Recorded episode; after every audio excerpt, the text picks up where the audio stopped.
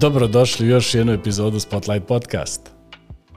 Ova epizoda realizuje se u saradnji sa ambasadom Sjedinjih američkih država u Podgorici.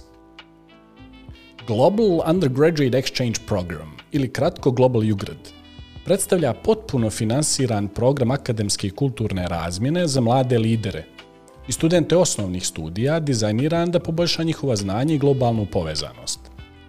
Učesnici Global Ugrad programa dolaze iz preko 60 zemalja kako bi studirali na univerzitetima širom sinjih država u trajanju od 6 mjeseci, odnosno jednog semestra. Po završetku programa studenti se vraćaju sa značajnim akademskim iskustvom i postignućem, postaju lideri i aktivni sudionici procesa u svojim zajednicama. Global UGRED u potpunosti finansira vlada Sjedinjenih američkih država preko ambasade Sjedinjenih američkih država u Podgorici, a sprovodi ga organizacija World Learning – od 2008. godine World Learning je omogućio plasman više od 3000 Global Evret studenta na koleđima i univerzitetima širom Amerike. Po okončanju programa studenti dobiju pristup grantovima i resursima za profesionalni razvoj, koji su dostupni isključivo bivšim studentima razmjene u organizaciji State Departmenta. Program kao takav je otvoren za sve, bez obzira na nacionalnost, vjeru, pol ili invaliditet. Konkurs za Global ugrad stipendiju otvoren je od 1. novembra i trajaće do 15. decembra ove godine. Svi studenti koji žele da apliciraju se ohrabruju da što prije prikupe dva pisma preporuke u skladu sa upustima koje će naći u aplikacijonom formularu, kao i posljednji dostupan transkript ocjena. Napomena. Sistem za apliciranje se automatski zatvara 15. decembra, što znači da neće biti moguće dodati tražena dokumenta u sistem naknadno. Studenti prve godine studija se mogu prijaviti i priložiti transkript ocjena sa kraja srednje škole kao i potvrdu o studiranju. Oni koji budu pozvani na intervju imaće priliku da naknadno prilože ažurirani transkript ocjena sa prevodom na engleski jezik. Međutim, inicijalna aplikacija mora da sadrži dva pisma preporuke i posljednji dostupan transkript ocjena kako bi aplikacija bila potpuna i kao takva mogla biti uzeta u razmatranje. Program je otvoren za studente svih univerziteta u Crnoj Gori, uključujući sve e, studijske, programe. Ove godine postoji dodatna mjesta, tako da ohrabrujemo sve studente iz Crne Gore koji ispunjavaju uslove da se prijave. Više o samom programu i aplikacionim uslovima zainteresovani studenti mogu pronaći na linku u opisu ovog videa. Srećno! A večeras sa nama je mlada dama koja je pohađala ovaj program i upravo izabrala Spotlight podcast da dođe i da nam priča o takvom jednom nezaboravnom iskustvu. Njeno ime je Anđela Radulović. Anđela, dobrodošla u Spotlight podcast. Volje te našla Janko i prije svega hvala ti puno na ovoj prilici da podijelim svoje iskustvo o ovoj Global Jugrad stipendiji sa ostalim mladim ljudima iz Crne Gore. Hvala tebi jer si izdvojila svoje vrijeme. Ja znam da je, da je jako zauzet u kancelariju u kojoj ti radiš. Možeš li, molim te, da mi kažeš kako si ti, kad si prvi put kod sebe spoznala tu e, želju za studijama u inostranstvu i kako se kod tebe odvijao taj proces donošenja te odluke i kako si razmatrala vrlo specifičan program koji ti studiraš, tako da nas uvedi malo tu priču, molim te. E, pa jeste, baš kao što si rekao, e, biti student prava zaista znači dosta odricanja, i e, na početku studija ja sam zaista morala e, uz posredstvo drugih e, osoba koji su baš obučene za davanje konsultacija u vezi studija u inostranstvu da jednostavno sa sobom raščistim da li mi je bitnije da čitave studije provedem u inostranstvu ili da se posvetim studijama prava, pošto i jedno i drugo rijetko kad mogu da idu zajedno. E, zbog same prirode prava i jednostavno to je nešto što te veže za tvoju e, zemlju i uopšte za onu zemlju za koju smatraš da je zemlja u kojoj želiš da e, provedeš svoj život. Pa sam ja eto ipak odlučila prije u stvari svojih osnovnih studija da je za mene važnije da zaista studiram pravo jer smatram da je to nešto što baš dosta volim i da je to jednostavno moj životni put pa e, samim tim ja nisam htjela skroz da se odreknem te prilike za studiju u inostranstvo. E, e, već sam se odlučila da dakle studije prava upišem ovdje u Crnoj Gori. Mhm, zanimljivo, možeš da mi kažeš zbog čega je taj program toliko jedinstven, je li za one koji nisu upućeni, mi imamo različita dva, da kažem, pravna sistema, ja sam ekonomista, ti ćeš mi to, ti si u, u tvom fieldu ekspert, malo ćeš me uvesti, znači mi imamo nešto što zovemo anglosaksonsko pravo, je li tako, koje je, e, sama riječ kaže, orijentisano na zemlje koje govore engleski jezik prevashodno, i imamo ovo kontinentalno pravo ili tako. E, tu postoji značajna razlika i onda nisu dva prava kompatibilna i onda je li studiranje anglosaksonskog malo zna da bude problem kad želiš da se vratiš u Evropu, ako sam ja to dobro razumio. Naravno, to si savršeno razumio i zaista to su dva e, totalno različita pravna sistema i e, drago mi je što si to pomenuo, zato što e, vjerovatno je dobro poznata činjenica mnogima da se u Sjedinjenim američkim državama pravo ne izučava e, na nivou osnovnih studija kao što je to kod nas, već tamo imate te osnovne studije koje nekako vezujete sa dalje Graduate School of Law.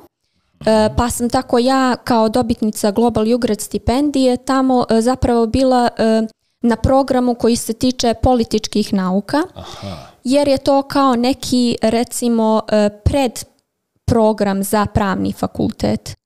I Sjajno da, zaista to je ovaj bila e, dobra prilika da jednostavno shvatim kako se pravo u stvari izučava u jednom tako drugačijem sistemu od e, generalno evropskog sistema, pa samim tim i sistema u Crnoj Gori. Sjajno. Dobro, e, mi smo ovdje večeras prvashodno da malo uputimo naše slušaoce i gledalce, mlade slušaoce i gledalce, studente osnovnih studija, šta je to Global Ugrad? I volio bih onako da me uvedeš u tu priču kada si ti prvi put čula za Global Jugrad, od koga je to bilo i da nas provučeš kroz taj jedan proces donošenja odluke i uopšte proces aplikacije. Pa e, u mom slučaju to je bilo sasvim da kažem spontano. Ja prije svega nisam sama saznala za ovaj program.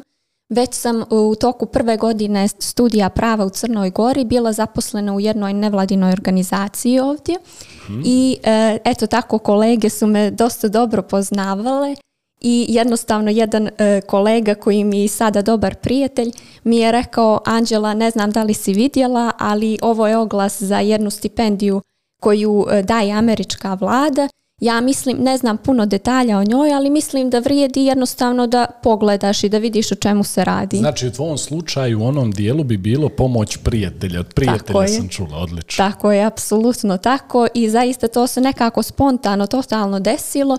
E, tada je, e, to je ja mislim već bio kraj godine, možda decembar, i tako jednog običnog radnog dana e, na svom radnom mjestu ja sam nekako došla do te ideje da zaista Možda je to ta moja prilika za studiju u inostranstvu, makar taj jedan semestar.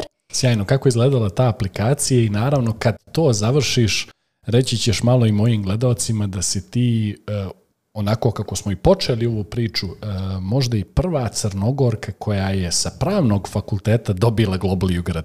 Molim te, prvo procedura pa onda ovaj detalj. Ovaj, prije svega naglasila bih da se radi o online proceduri prijave i da zaista to nije ni malo komplikovan proces. E, na sajtu e, američke e, ambasade u Crnoj Gori možete naći apsolutno sve informacije koje se tiču ovog programa kao i putem Facebook, Instagram, Instagram profila Američke ambasade u Crnoj Gori i oni su, moram da kažem, maksimalno otvoreni za podršku svim studentima koji planiraju da se prijavljuju. A dakle, sam proces prijave jeste eh, vi tamo dobijete jedan link na kom eh, uploadujete sva svoja dokumenta koja se traže. To su dakle potvrde o studiranju ili eh, u zavisnosti od toga u kojoj ste fazi jednostavno mhm. života, posljednji transkript ocjena ili jednostavno, ne znam, svjedočanstvo iz srednje škole i ono što je, da kažem, možda jedan od bitnijih elemenata ove prijave jeste ta dva pisma preporuke. Tako je, upravo tu e, malo me provedi kroz taj tvoj proces, da li je tu kod tebe bilo ovaj malo, malo prepreka, znamo da se nekad naši neki mlađi studenti uslovno rečeno žale malo na svoje profesore jer e, profesori onako nerado pišu te preporuke na engleskom jeziku. Tako da reci mi kako je bilo tvoje iskustvo i da li si ti tu doživjela neku prepreku? Pa evo, možda sam jedna od tih srećnica, ali stvarno nisam imala problema sa tim. E, već e, sam pronašla jednostavno, bitno je da jedna preporuka bude akademska preporuka. to nam reci. Tako je, a druga preporuka treba da bude jednostavno može to da bude, na primjer, vaš posljednji poslodavac ili jednostavno neko ko vas zna u tom, da kažem, neakademskom znači, smislu. Znači profesionalno, jedna profesionalna, jedna akademska, Tako možda dvije akademske, ajde da kažem, ako neko možda nije imao Tako profesionalnog je, naravno, iskustva. Naravno, uvijek postoji rješenje. E, s tim što je zaista bitno da nađete osobe koje vas stvarno poznaju i koje znaju zašto je vama bitno konkretno ovu stipendiju da dobijete, da zaista poručujem to svima koji planiraju da se prijavljuju, da ne šalju preporuke koje možda imaju negdje od ranije, jer jednostavno e, tu fali taj nekako i lični element i ne može svaka preporuka da bude e, pogodna za svaku stipendiju. E, dakle, opet ću naglasiti da je baš bitno da nađete osobe koje vas poznaju i koje znaju zašto je vama bitno da odete u Sjedinjene američke države, jer treba biti svjestan da postoji dosta studenata koji se prijavljuju za ovu stipendiju mhm. i bitno je da budete unikatni i da jednostavno nađete nekoga ko će da vas predstavi u realnom, ali samim tim i najboljem vašem svijetlu. Jasno, jasno. Dobro, znači ti si taj e, proces aplikacioni odradila bez ikakvih problema e, nakon toga si, pretpostavljam, čekala određeni period i onda si nakon toga bila pozvana na intervju, je li tako? Mm, tako je. Možeš li mi reći, e, s obzirom da ja nisam siguran koja je godina kada si ti aplicirala, da li je intervju bio e, online ili uživo, e, gdje se intervju odvijao, koliko je bilo članova komisije i kako si dobila pitanje? Dobro, ne moraš sad da nam otkrivaš konkretno pitanje, ali recimo jesu li bila teška ili su možda bila laganija i otprilike o čemu se tu radilo? Pa iskreno, ja sam bila u tolikom šoku na tom intervju da se ja zaista i ne sjećam konkretnih pitanja. Dobro, još bolje. Ne bi možda mi trebali da otkrivamo konkretna pitanja. Naravno, naravno, ali to svakako nisu bila neka pitanja sad abstraktna na koja nemate odgovor. Jednostavno, e, Amerikanci žele od vas da budete ono e, true self, da budete stvarno svoji i da im pokažete ko zaista jeste. Ja sam se prijavila u, u 2018. ili to je bila kad sam pozvana na intervju, to je bila 2019. godina. Dobro, znači, znači prije korone. Prije covid Tako je, prije ove pandemije i e, bio je uživo moj intervju. Mm, sjajno, gdje se odvijao intervju? Intervju se odvija u American Corner u Aha, Podgorici. Odlično i zaista je fino što je to jedno tako prijateljsko okruženje da koliko god ste pod tremom i nekako pod stresom kad dođete, zaista se tamo osjećate bukvalno kao kod kuće. Puno ti hvala što si to rekla. Ja sam neko ko iz petnih žila naglašava tu situaciju i stalno brani studente e, da i trema negdje normalna. Određena trema je normalna, ulog jeste veliki, ti dolaziš iz jedne male Crne Gore, svjestan si da šest mjeseci možeš da odeš, da su ti svi troškovi pokriveni i svjesna si negdje da je konkurencija izuzetno velika. Ovdje ima jako puno djece koja su na tom, ako ne istom, ono možda malo nižem ili višem nivou od tebe i da je taj neki moment gdje ti imaš taj e, jeli, interpersonalni face-to-face e, e, odnos i taj, jeli, možeš da uspostaviš e, komunikaciju sa svojim sagovornicima, ljudima iz komisije, jako bitno ok, shvatimo da nekad zbog COVID-19 jednostavno intervju mora da bude online, ali e, mogućnost da uspostaviš taj rapor sa svojim, sa svojim sagovornicima je jako važan. Tako da si ti imala sreću da je to bilo u American Corneru, da su ljudi bili lijepo raspoloženi, da su vjerovatno prije tvog intervjua fino jeli i da i niko nije pokvario dan. Uvedi nas malo u taj moment. E, tako je, znači e, jednostavno imate e, intervju sa tri člana komisije, ako se dobro sjećam, ali da, bilo ih je troje definitivno. I tu je, kao što si rekao, tu je sasvim i normalno da postoji neka doza treme jer je velika i odgovornost i ulog je veliki jednostavno. S tim što zaista ne treba gledati, ne treba igrati na tu kartu kako je možda i nekako uobičajeno u našem društvu da upoznate članove te komisije, da se trudite da saznate ko su ti ljudi jer zaista to nije bitno. Bitno je da vi sebe pripremite, da odgovorite na neka e, prosta pitanja. A ja ću samo, ovaj, sad sam se sjetila jedne e, zanimljivosti u vezi mog intervjua, a to je da za tih možda pola sata koliko je intervju trajao, ja jednostavno nisam mogla da se sjetim riječi state. E, molim te molim te, mnogo je važno da naši kandidati shvate da ako dođu u tu situaciju, da mogu deskriptivno da objasne o par riječi njihovu misao, da shvate da je potpuno normalno u takvim jednim okolnostima da ne mogu da se sjete neke strane riječi, to je na neki način za njih strano tijelo, to nije njihov materni jezik, da se opuste i da slobodno, čak i jednu riječ kakva je state, objasne na engleskom jeziku i izađu iz te situacije.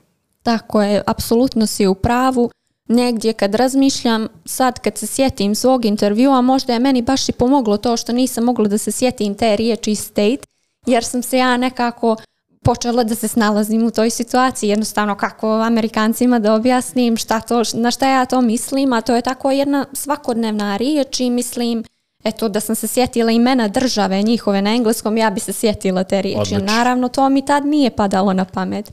Ali opet važno je E, naglasiti da zaista nije bitno da vi e, imate perfektan engleski. Svi su tu svjesni da to nije vaš maternji jezik i da jednostavno vi ste već ispred mnogih za to što ste došli do tog stadijuma da sebe predstavljate za jednu tako važnu stipendiju na jeziku koji, opet kažem, nije vaš maternji jezik. Ako se sjećaš možda koliko su otprilike e, trajali ti slotovi, tvoj intervju je trajao koliko otprilike? Pa ako se dobro sjećam, to je bilo možda dvadesetak minuta, najviše pola sata. Tako da to zaista nije neki dug period, taman onoliko koliko vam treba da se predstavite. Sjajno. E, u nekom periodu koji je jeli, e, dolazio nakon tog perioda, ti si jeli, anticipirala taj taj ishod tog intervjua, kakav ti je bio gut feeling, kakav ti je bio osjećaj u stomaku, jesi li ti ta ili možda će biti neophodno sljedeće godine aplicirati?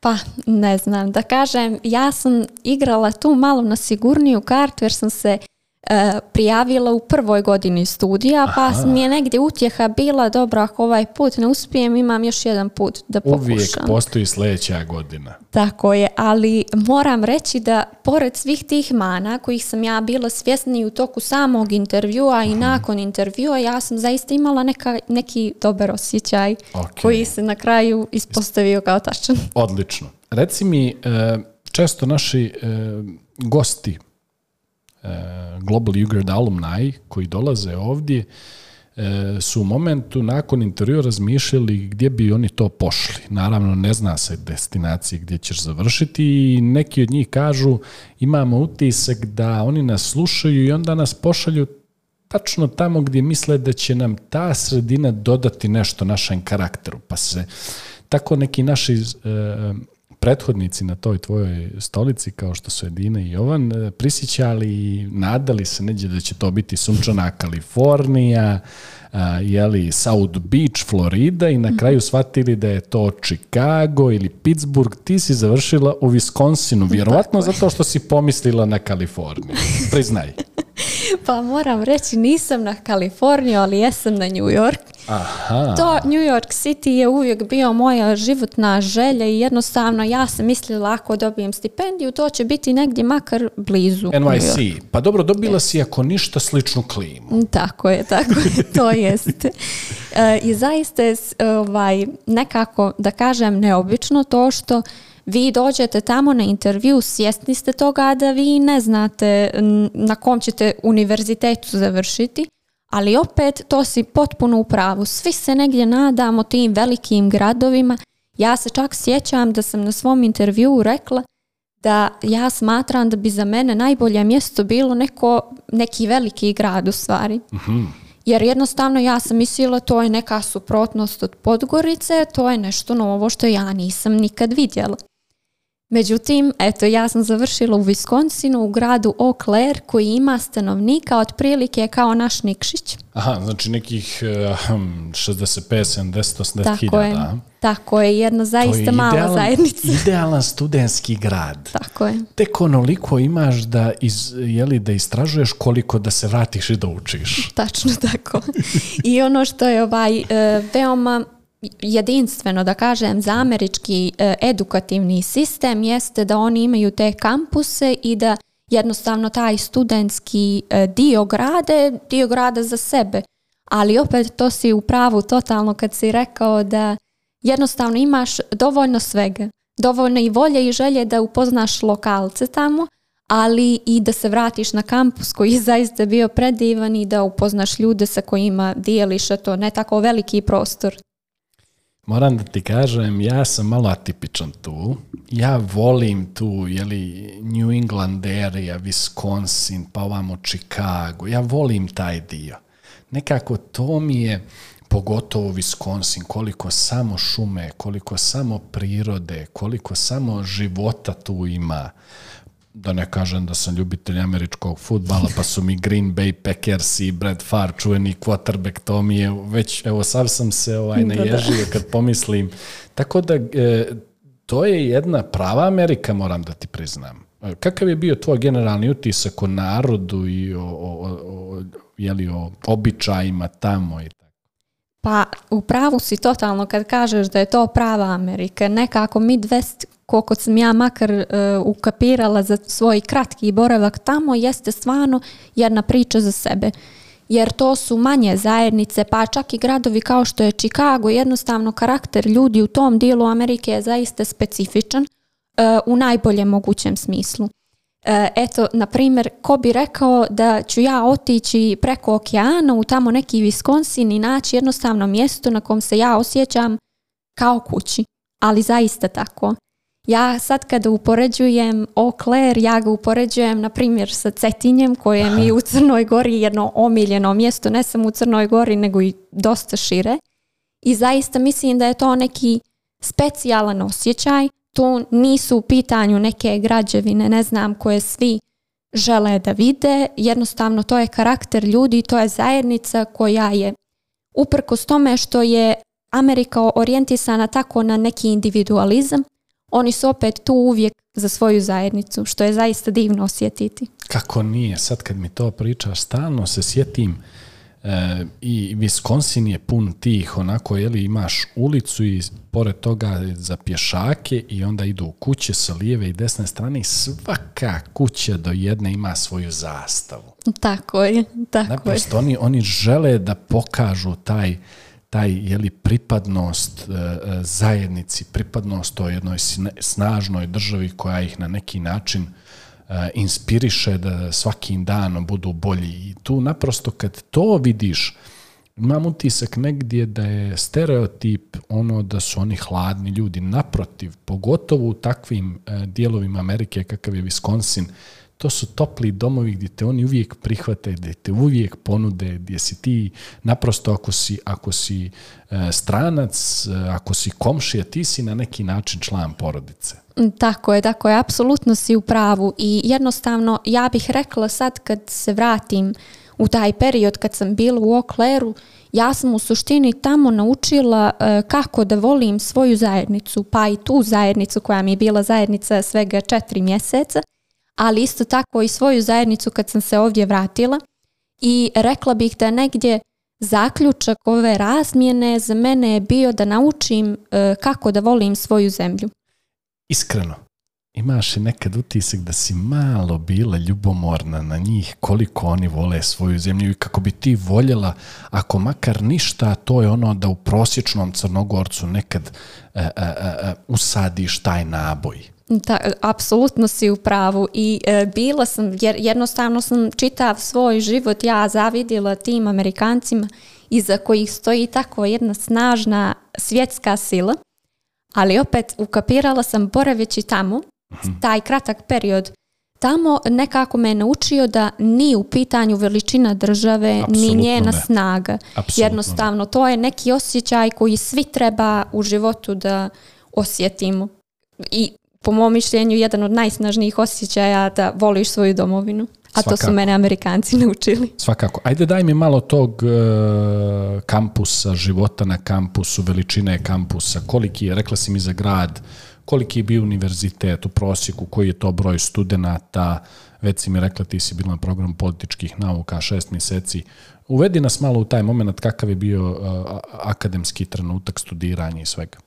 E, pa, e, kampus je e, činilo, ja mislim i dalje ga čini, oko 10.000 studenata. To je tako neki prosjek, ja bih rekla, za univerzitet u Okleru. I zaista to je, ja kad sam došla, ja mislila sam da se nikad neću snaći na kampusu, da jednostavno ja neću zapamtiti gdje su moja predavanja svaki dan, gdje treba da ručam, gdje su drugi dijelovi kampusa, ne znam, bilo šta što ti zatreba tamo, ali zaista moram reći da čim smo došli, prva nedjelja dana je bila posvećena upravo tome da se mi Da, tako je. I mhm. to je stvarno bilo veoma korisno. Mhm. E, I eto, sjeti, sjetit ću se da ja kad sam došla e, u Čikago, pošto sam ja letjela iz Beča do Čikaga, zbog e, mnogih, ne znam, nevremena i oluja i svega u Čikagu, moj let za Okler je kasnio dosta. Dobro, dešava se. Tako je, pa sam ja stigla u uh, Okler u srednoći mhm. i moj prvi utisak kampusa je bio vjerovatno nekako i stravičan i jednostavno dođete u Ameriku, prvi utisak vam je kampus čovjek, noći. Malo se čovjek tu prepane. Tako je, ali moram reći da eto od prvog tog susreta sa lokalcima ja sam imala nevjerovatnu sreću jer je moj je, taksista bio čovjek koji je vidio koliko sam ja jednostavno prestravljena Dobro. i koji je toliko mene smirio i rekao pa Anđela ne brini kao uh, došla si u Ameriku, ok, nije ništa strašno, ja ću se dovesti do tvog uh, residence hall, kao sve će biti u redu, ne brini pošto nije, bio je neki problem, sjećam se sa adresom, nije mogao da nađe da li je to na gornjem ili donjem kampusu, on mi je rekao ti slobodno ništa ne brini, ja te neću ostaviti dok ti ne nađeš svoj residence hall. Ja sam mu stvarno eh, do neba zahvalna na tome i dan danas.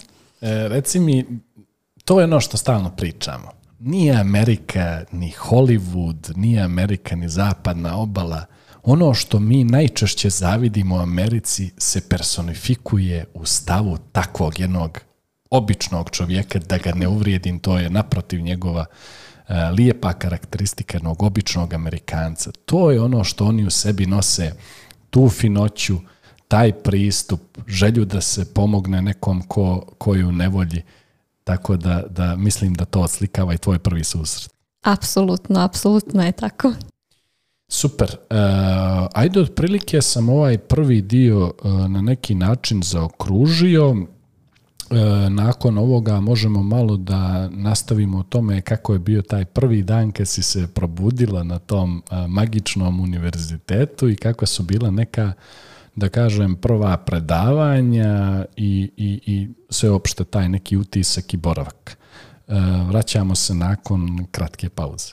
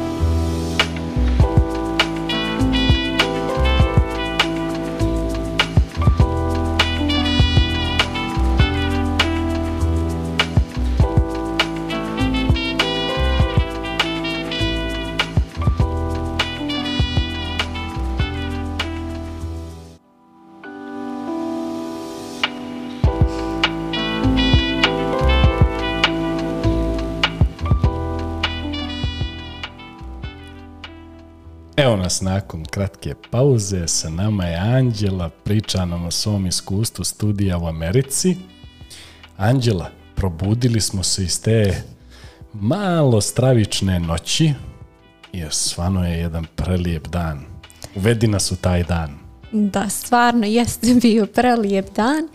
I ja se sjećam, pošto sam ja na kampu stigla prije moje cimerke koja je amerikanka, jer njoj nije bila potrebna ta orijentacija. E, ja sam prva osoba koju sam upoznala jeste moja i sadašnja drugarica. Ona je e, nekim čudom došla iz Letonije u Ameriku i mi smo se uputile e, na naš doručak. Naravno, ja sam bila toliko izgubljena da ja nisam ni znala gdje je doručak, ali sreća ona je bila tu već nekoliko dana prije mene i ona me uputila. I sad prvi e, da kažem šok tog dana je bilo e, brdo ispred mene koje me je vodilo do mjesta gdje se služi doručak. I ono to je neki klasičan crnogorski stereotip, ono vidite koliko ja sad treba da šetam da bi pojela doručak.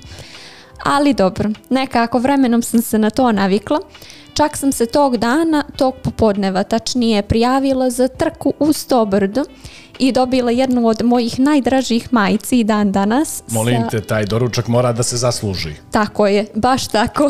I nekako stvarno sam stekla i dobre životne navike šalu na stranu e, zahvaljujući takvom kampusu. I e, taj dan je bio e, dosta užurban jer je bio namijenjen svim studentima koji su došli sa strane, znači van Amerike.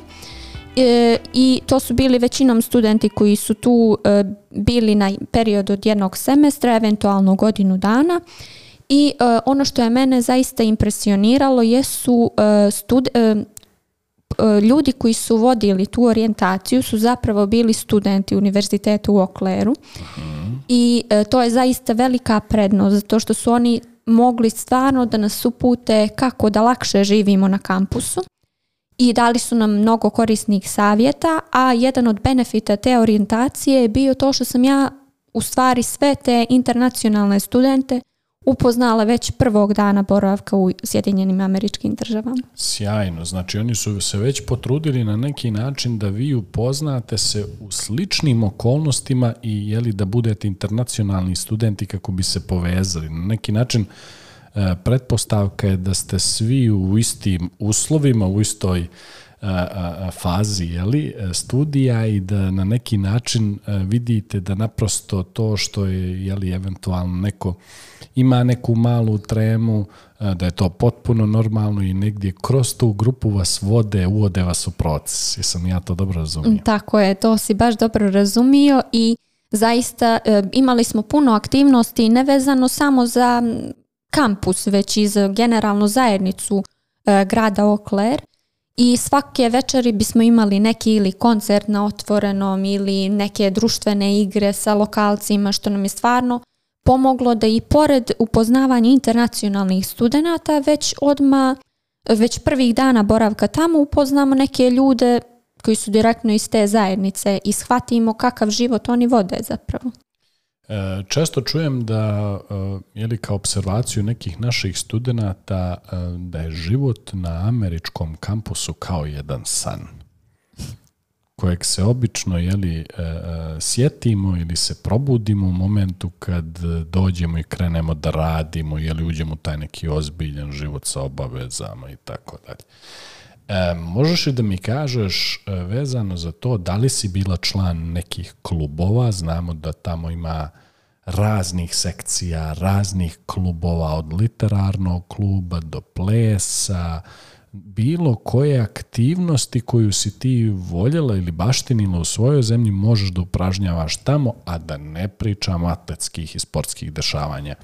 E, možeš li mi reći e, da li si bila član nekog kluba i da li si imala vremena za šest mjeseci da aktivno participiraš? Pa e, to je negdje, tu sam dosta i pogriješila sad kad se prisjetim svog iskustva tamo, a razlog je taj što za prijave tim raznim sekcijama kojih stvarno ima dosta i za svakoga ima ponešto, Međutim, prijave za te sekcije su već istekle kad sam ja došla tamo ali opet to me apsolutno nije omelo da se živi živim život punim plućima na kampusu, a ja sam e, bila član tog fitness kluba na kampusu. Odlično. Što je meni zaista bilo super jer sam tamo opet upoznavala dosta novih ljudi, a živjeli zdrav život. Sportske aktivnosti u Americi, never, never ending story, a? Tako je, tako mi, da li si imala priliku dodaš na neku utakmicu američkog futbala, košarke, muške, ženske, jesi li e, navijela?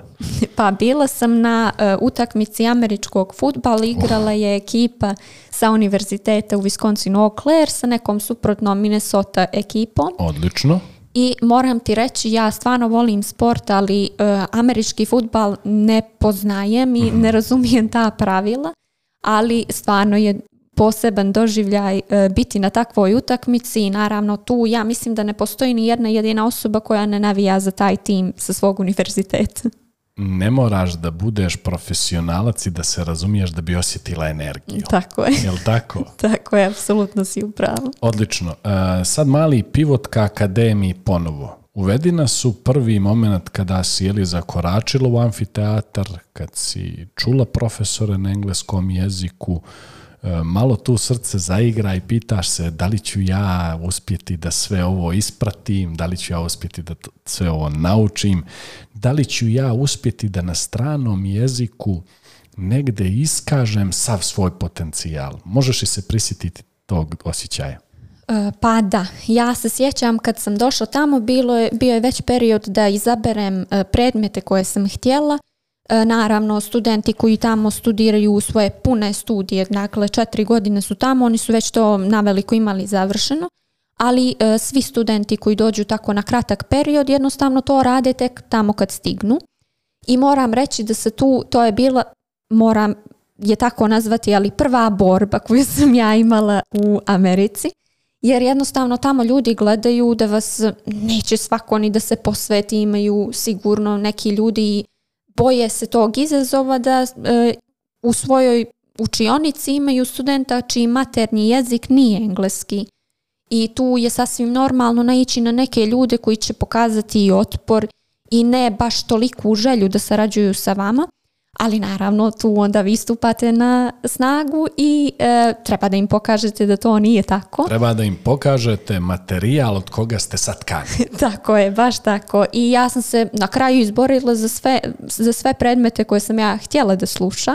Dobro. A ono što je interesantno u mom slučaju jeste da je jedan od profesora koji mi je predavao predmet US Foreign Policy bio e, čovjek koji je porijeklom iz Bosne i Hercegovine. Ma šta kažeš? tako je. Naš Jugović. Tako je, tako je. I zaista to je bio Pozdrav jedan... za profesora. Molim te reci kako se zove čovjek. Da, to je moj profesor Damir Kovačević. Pozdrav koji mi... za profesora Damira. Naravno, veliki pozdrav za njega koji mi je bio zaista oslonac dok sam bila tamo i fino je učiti od čovjeka koji je sa ovih prostora, a koji igrom e. slučaja predaje tako neki predmet kao što je US Foreign Policy. E, ekspert je za US Foreign Policy. Tako je. Odlično. Molim te, reci mi sad ovako kako je bilo učiti kod Damira. Da li je Damir znao nekad onako sa strane, ako nisi sigurno neki termin da ti objasni na našem jeli, maternijem jeziku, jeziku ovih prostora, ili se onako strogo držao kurikiluma na engleskom jeziku, e, uvedi nas malo u takav jedan jako neobičan odnos. U, baš sam se obradovao što, što je to tako bilo.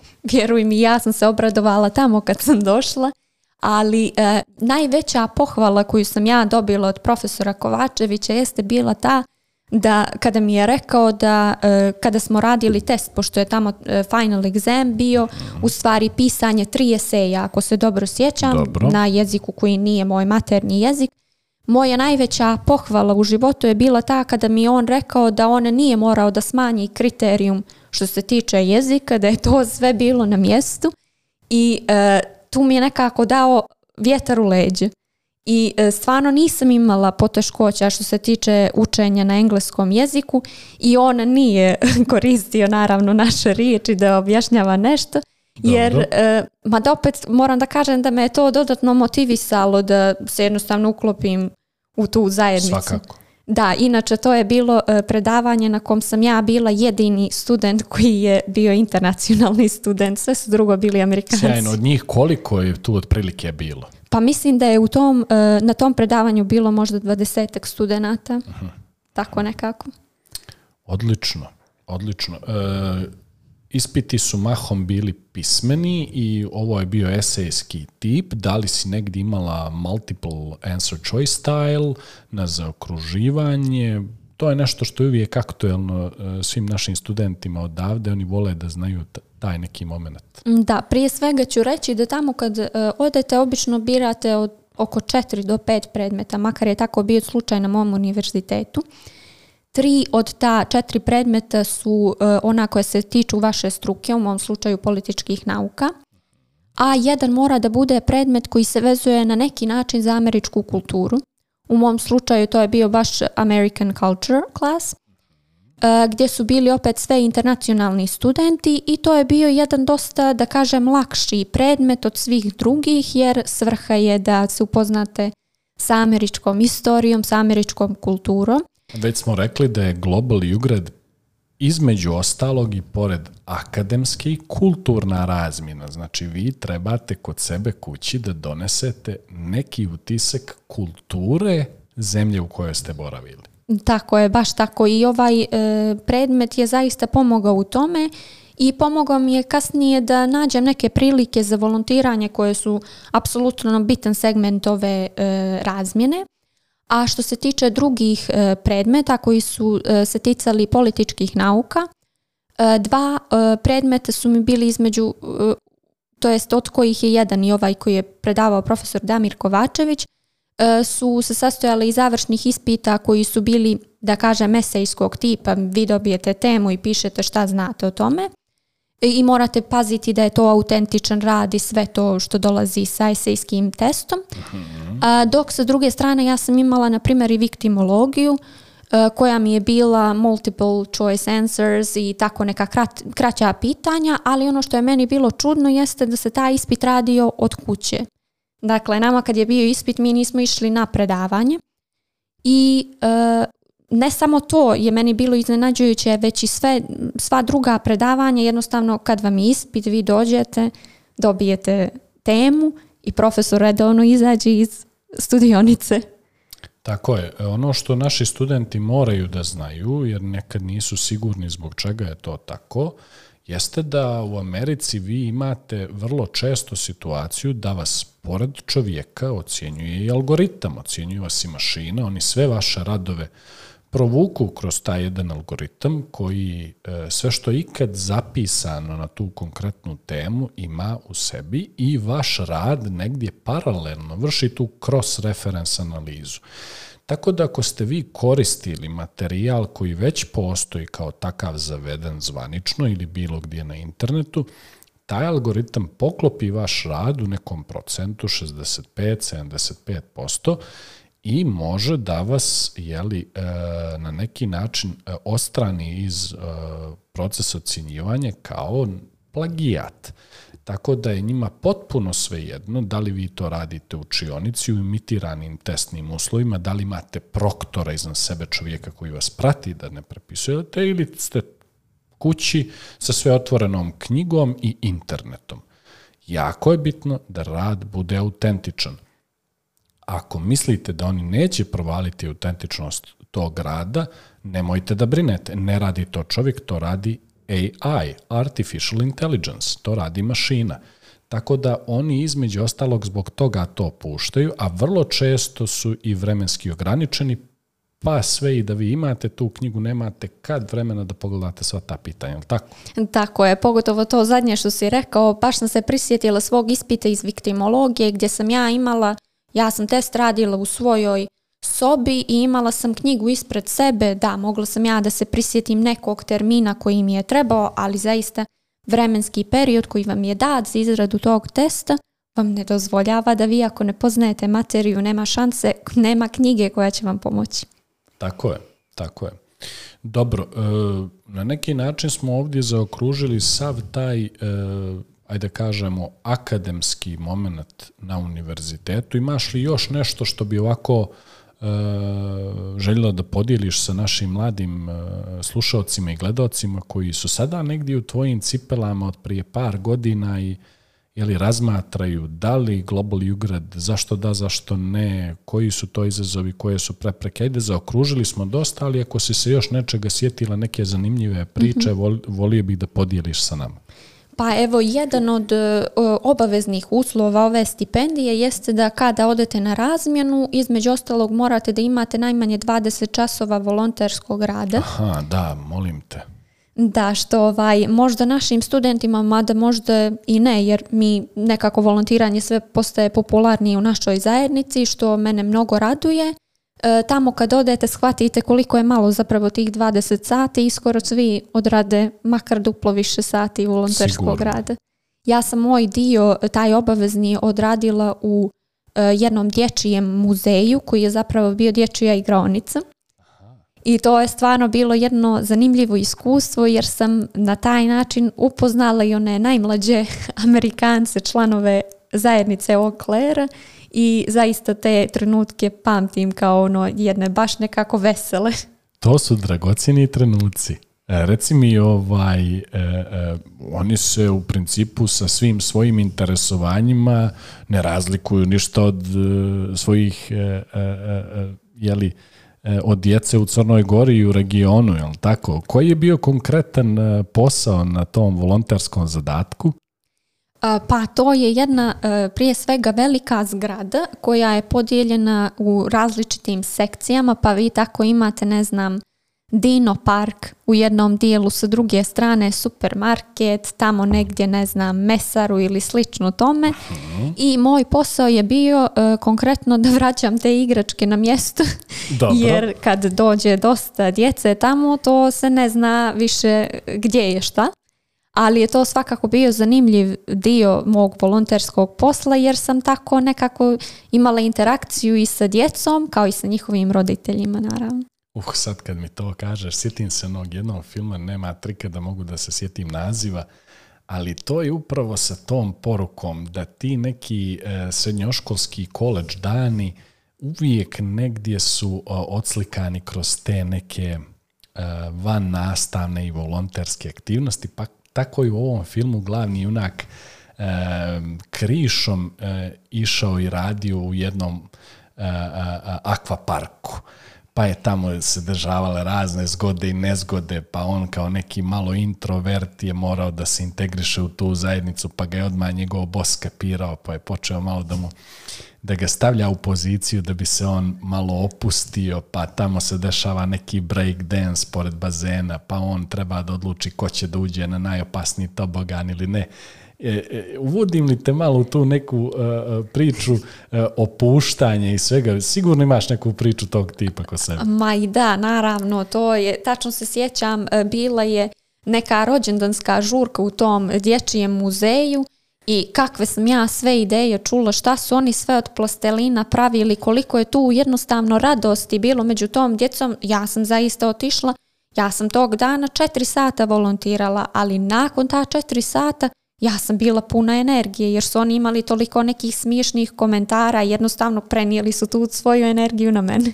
Reci mi, e, šest mjeseci brzo prođe, e, čovjek već treba da se vrati kući, e, tvoj prethodnik na toj stolici koji je jako lijepo pričao o Global, Ugrad stipendiji, Jovan Radnić je upravo pričao o tom reverse cultural shock. Znači, li imamo ozbiljen kulturološki šok kad odemo tamo, to je ta noć kad sletimo i ujutro dok se probudimo i malo da vidimo kako sve funkcioniše, ali dešava se jedan šok, e, na žalost ili na sreću, to je realnost kada se vratimo.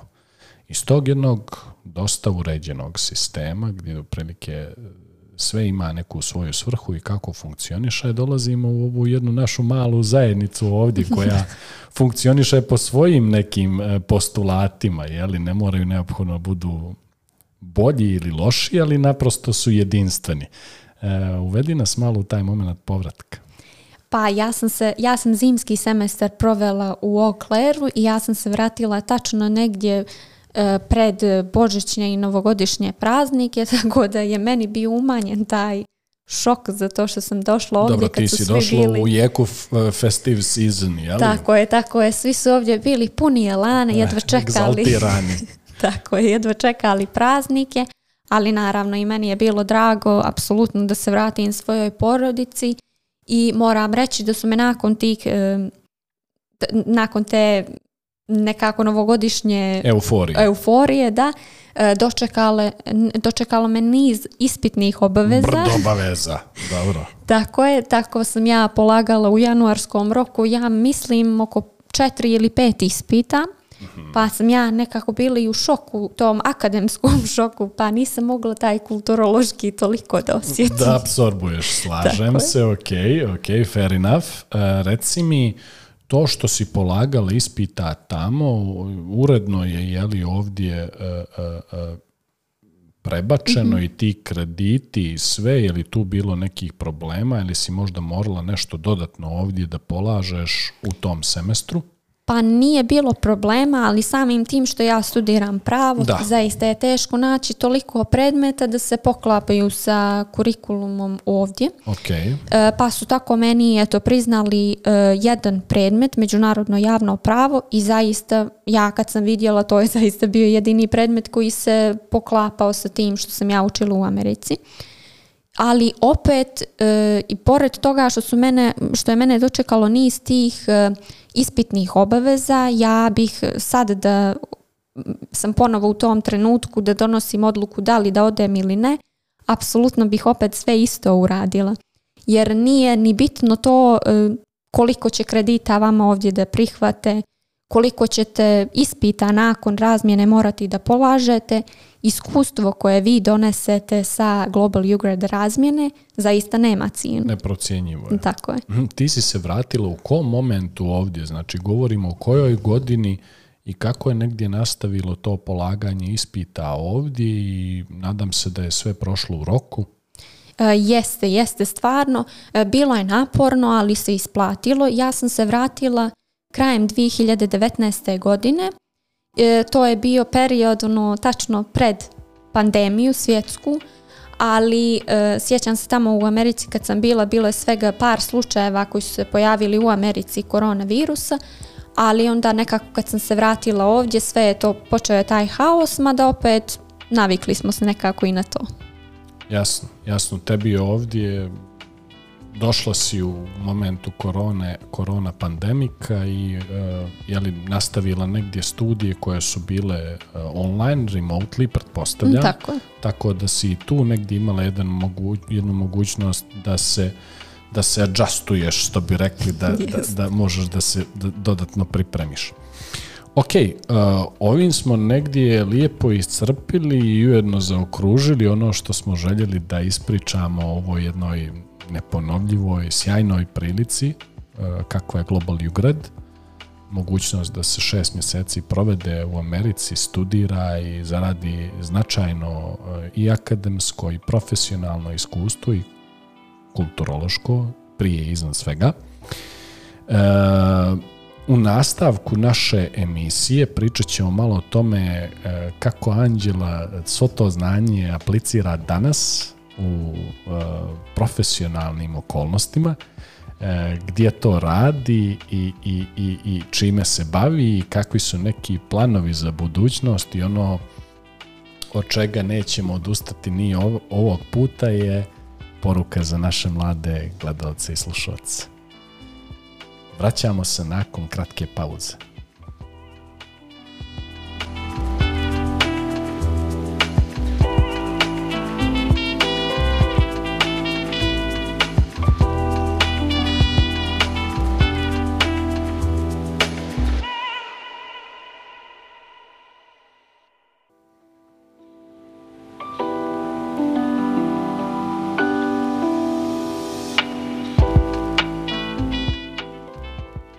Evo nas nakon kratke pauze, nadam se da nas niste puno čekali, sa nama mlada dama Anđela, Global Ugrad alumnaj. Anđela, vratili smo se u Crnu Goru i počela je profesionalna karijera, studije su uspješno okončane i ti si počela na jeli, pripravnički da radiš, da li je to bio možda preko vladinog programa pripravnički ili ono ulećela si regularni oglas? Ne, ja sam bila dakle korisnica, ali kako se to već kaže, prošla sam taj e, program stručnog osposobljavanja, e, program vladin, stručno. stručno osposobljavanje, naravno.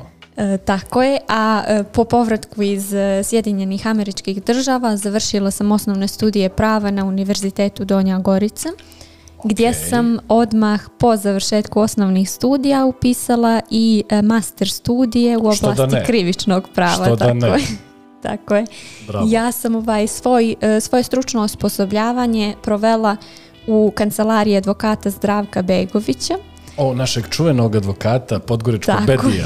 Bedije je još uvijek e, predsjednik advokatske komore. Jeste i ovaj moram reći da je to bilo zaista jedno dobro životno iskustvo i ovom prilikom se zahvaljujem kako njemu tako i svim mentorima iz te kancelarije koji su me zaista dosta naučili i koji su me nekako učinili osobom koja jesam sad 10 mjeseci i nije tako mali period. Nikako, sjajno.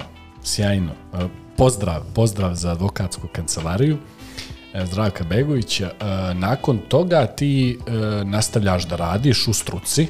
Mm, tako je, ja sam svoj pripravnički staž, da kažem, koji dugo traje zaista u ovoj oblasti, Eh, nastavila kod svog oca, advokata Veselina Radulovića. Našeg poznatog advokata, ja moram da kažem, pošto ja vidim da se ti ne bivaš da, da, da, to izgovoriš jer si jako skromna. jeste, jeste, kod njega sam nastavila jer negdje mi je plan da eh, nastavim tu porodičnu tradiciju i stvarno je najljepše raditi kod svog. Sigurno. Eh, reci mi tu E, jeli, e, da li si u regularnoj proceduri sad vezano za polaganje svih tih nekih svih li ispita koji prate e, pravo, ne znam, pravosudni, ovaj, onaj odrađena, ti trebaš da odradiš ozbiljnu, ozbiljan pripravnički staž, ono nekih par godina, ako se ne Jeste, jeste. Ove godine je malo specifična situacija pošto imamo malo neusklađeno zakonodavstvo. Pa, A pa eto, me to tako je, nažalost imamo i nažalost nemamo neku preveliku reakciju studenata. E, ova godina e, praktično dok ne stegnem zvanje e, magistra pravnih nauka je eto ja obavljam pripravnički, ali to se negdje to se u stvari nigdje ne računa. Tek po sticanju e, zvanja magistra pravnih nauka meni mhm. treba tri godine da bih stekla uslov da polažem taj pravosudni ispit, a nakon toga i advokatski. Mogla si medicinu da upišeš? Bukvalno tako. Dobro, šalu na stranu, sve ta neka procedura ima neko svoje zašto, ne može sve preko noći, to znanje i praktično i teorijsko negdje treba da se jeli, zaradi i nataloži. E, dobro, e, imamo li neke konkretne planove za budućnost, osim jeli, nastavljanje porodične tradicije i biznisa koji od svojeg srca podržavam, e, malo će tu akademija da bude on hold, do kada i kako, da li razmatraš nakon mastera nešto dalje, gdje bi ovako intimno voljela da nastaviš dalje studije,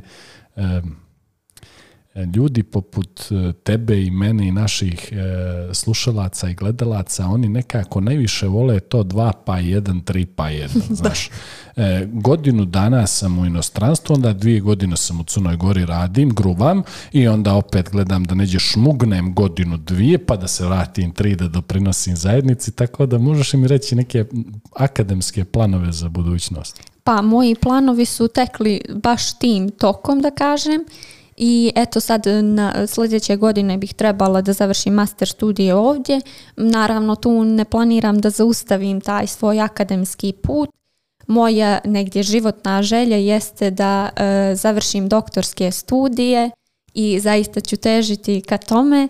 Sad da imam neki konkretan plan, pa i nemam baš, ali o tom potom. Uglavnom to imam u planu, doktorske studije pa nadam se da će to brzo i ostvariti. Malo sam ja prenaglio, naravno, ti znaš da ovdje ja volim da moji sagovornici negdje bace taj, taj novčić za sebe u tu fontanu di trevi i zamisle neki Harvard, Stanford, Yale, eh, eh, UCL, eh, London School of Economics i naprosto Spotlight podcast ima tu energiju. Kad ti ovdje nešto zamisliš i onako ga kaže što se desi.